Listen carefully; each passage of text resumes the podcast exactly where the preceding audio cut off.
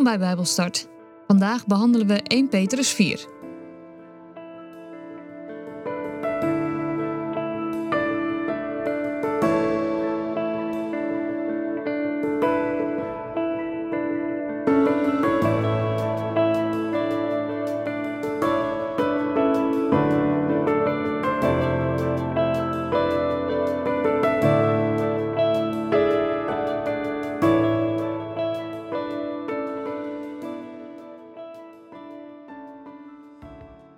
Lees met jullie uit de basisbijbel 1 Petrus, hoofdstuk 4.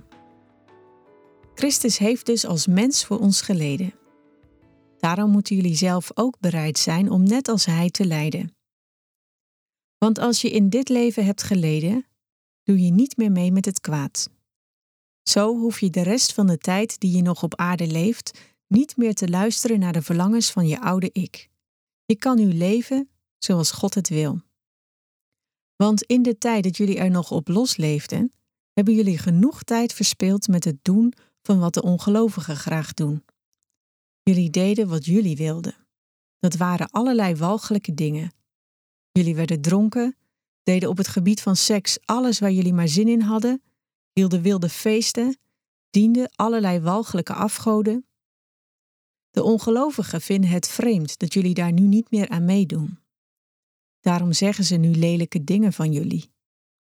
Op een dag zal God hen daarvoor straffen. Binnenkort zal Hij recht spreken, niet alleen over de levenden, maar ook over de doden. Daarom is ook aan de doden het goede nieuws verteld. Toen ze vroeger op aarde leefden, zijn ze veroordeeld voor wat ze deden. Maar door het goede nieuws zal nu hun geest voor God kunnen leven. Het einde van alle dingen komt al bijna. Wees dus verstandig en houd je hoofd erbij. En blijf vooral bidden. Maar het belangrijkste is dat jullie als broeders en zusters veel van elkaar houden. Want de liefde vergeeft wat jullie verkeerd tegen elkaar doen. Wees gasvrij voor elkaar, zonder te mopperen. Dien elkaar met de gaven die God uit liefde aan ieder van jullie heeft gegeven. Want dat is waarvoor God al die soorten gaven gegeven heeft. Als je iets zegt, zorg er dan voor dat je net zo spreekt als God zelf zou doen. Als je dient, doe dat dan vanuit de kracht die God geeft. Want dan zal in alles God worden geprezen, dankzij Jezus Christus. Alle macht en eer is voor Jezus Christus, tot in alle eeuwigheid. Amen. Zo is het. Lieve broeders en zusters, wees er niet verbaasd over als jullie grote moeilijkheden zullen meemaken. Want dat is helemaal niet vreemd. De duivel zal proberen om jullie geloof te vernietigen. Maar jullie mogen er juist blij over zijn dat jullie net als Christus moeten lijden. Want straks zal Hij ook Zijn blijdschap met jullie delen als Hij terugkomt in Zijn hemelse macht en majesteit. Het is heerlijk als de mensen lelijke dingen van jullie zeggen omdat jullie in Christus geloven. Want dat betekent dat Gods geest op jullie is. Want zij beledigen Hem wel, maar jullie eren Hem daarmee juist. Maar zorg ervoor dat niemand van jullie hoeft te lijden omdat hij een moordenaar, een dief, een schurk of een bemoeial is. Maar als je lijdt omdat je christen bent, hoef je je daar niet voor te schamen. Dan mag je God eren met die naam. Want in deze tijd begint God de mensen te reinigen van het kwaad. En het huisgezin van God komt het eerst aan de beurt. Maar als het begint bij ons, wat zal er dan gebeuren met de mensen die niet naar het goede nieuws van God hebben willen luisteren? Als de mensen die leven zoals God het wil al amper worden gered, wat zal er dan gebeuren met de mensen die zich niets van God aantrekken?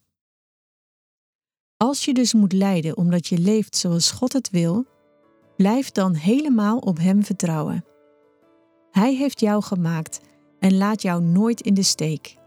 En blijf het goede doen.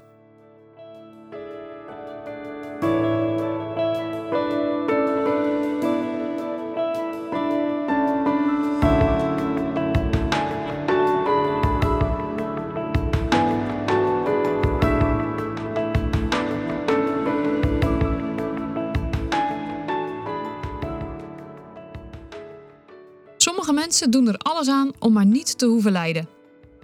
Maar als kinderen van God moeten we wel bereid zijn om Gods wil te doen, ook als we daarvoor moeten lijden. In een andere vertaling dan de basisbijbel staat: wapen je tegen het lijden wat Jezus ook geleden heeft. De oproep om je te wapenen laat zien dat er een strijd te voeren is. En als jij in die strijd wilt overwinnen, net zoals de Heer Jezus heeft overwonnen, dan moet je je wapenen.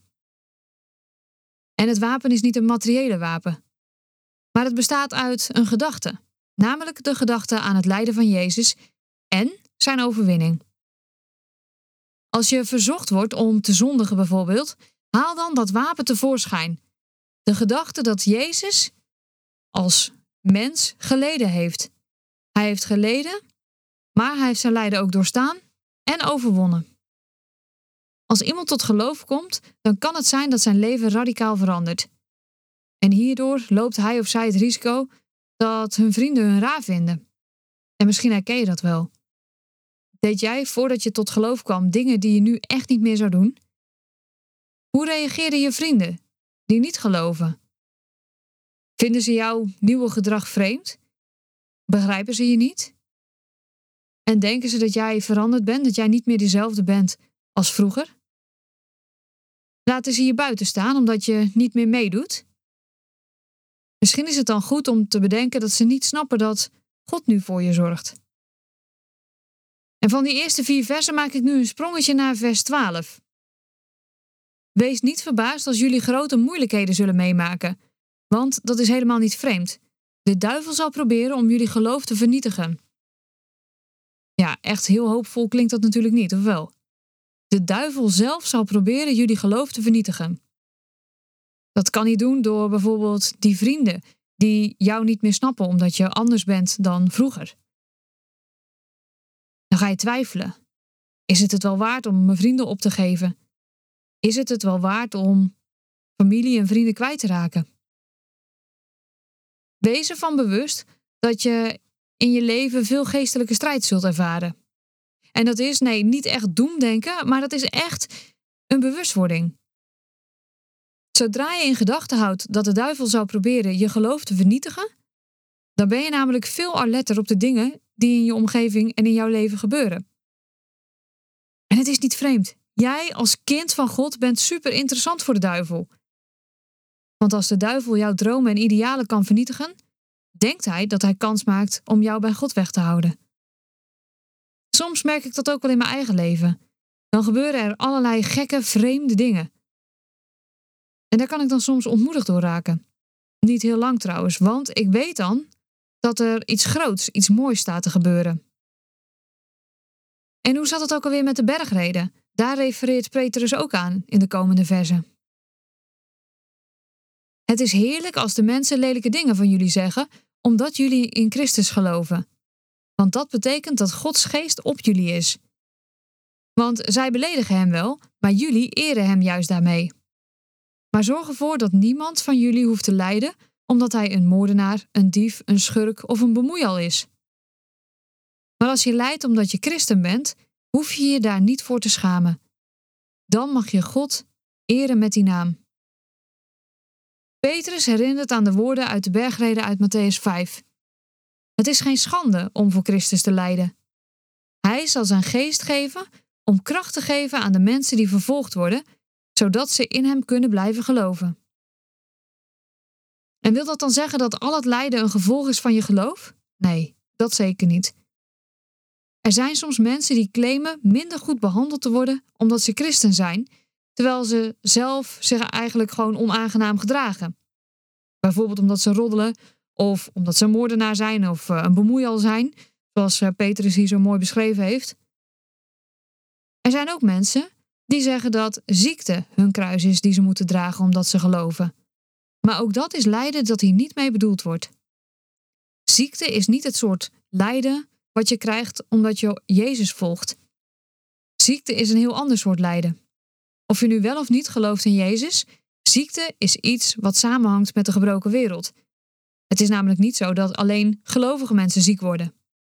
Van meerdere discipelen en andere gelovigen weten we dat ze het moeilijk hebben gehad, omdat ze in Jezus geloofden. Petrus en Johannes werden vervolgd omdat ze het goede nieuws verkondigden. In Handelingen 5, vers 41 lezen we dat ze blij waren vanwege de vervolging, want dat betekende dat ze Gods goedkeuring hadden over hun werk. In Handelingen 4, vers 20 lezen we zelfs dat ze gevangen genomen werden omdat ze wonderen verrichtten. Ze werden met de dood bedreigd. En toch wisten ze blij door te gaan. Je hoeft het lijden natuurlijk niet op te zoeken, maar je hoeft het ook niet te vermijden. Als jij gewoon het goede blijft doen, dan zul je ontdekken dat je kracht ontvangt dwars door het lijden heen. Dat is een zekerheid die je altijd met je mee mag dragen. Jezus blijft bij ons. Schaam je dus niet. Heb jij wel eens een moment gehad dat je je schaamt voor je geloof?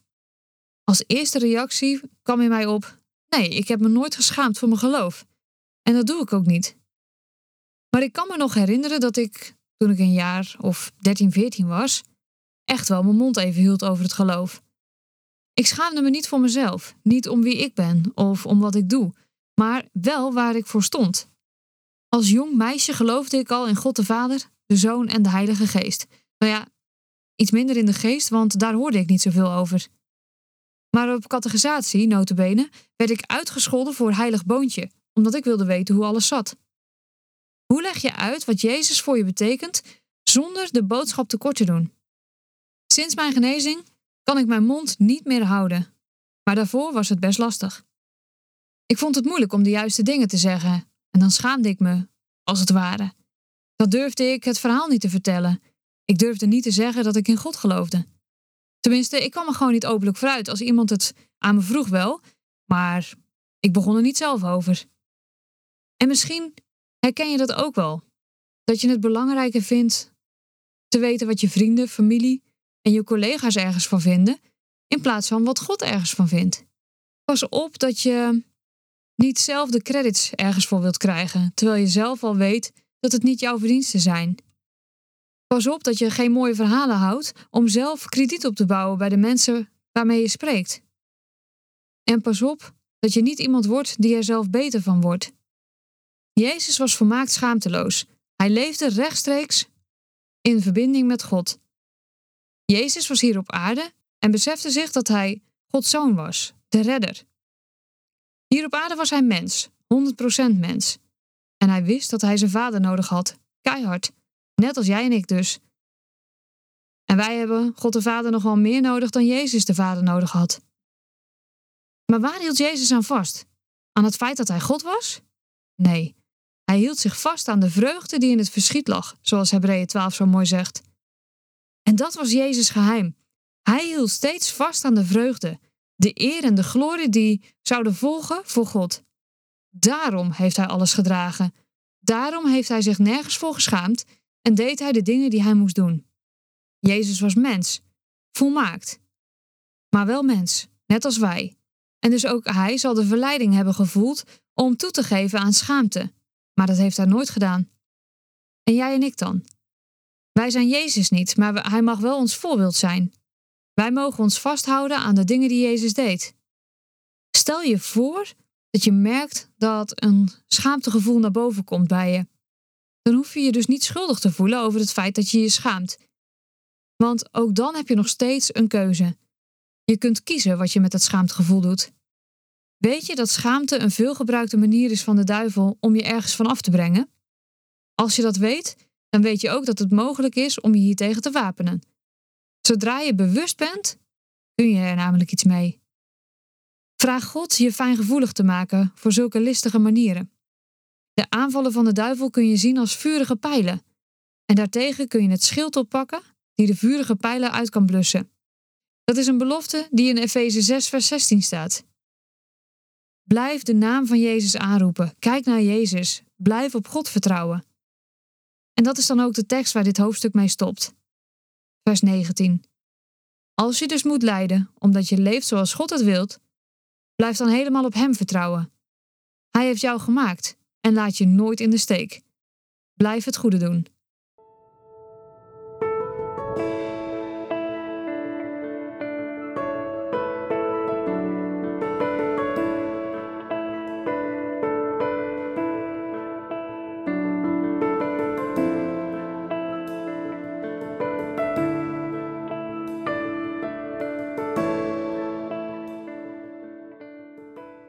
Dit was Bijbelstart een programma van TWR.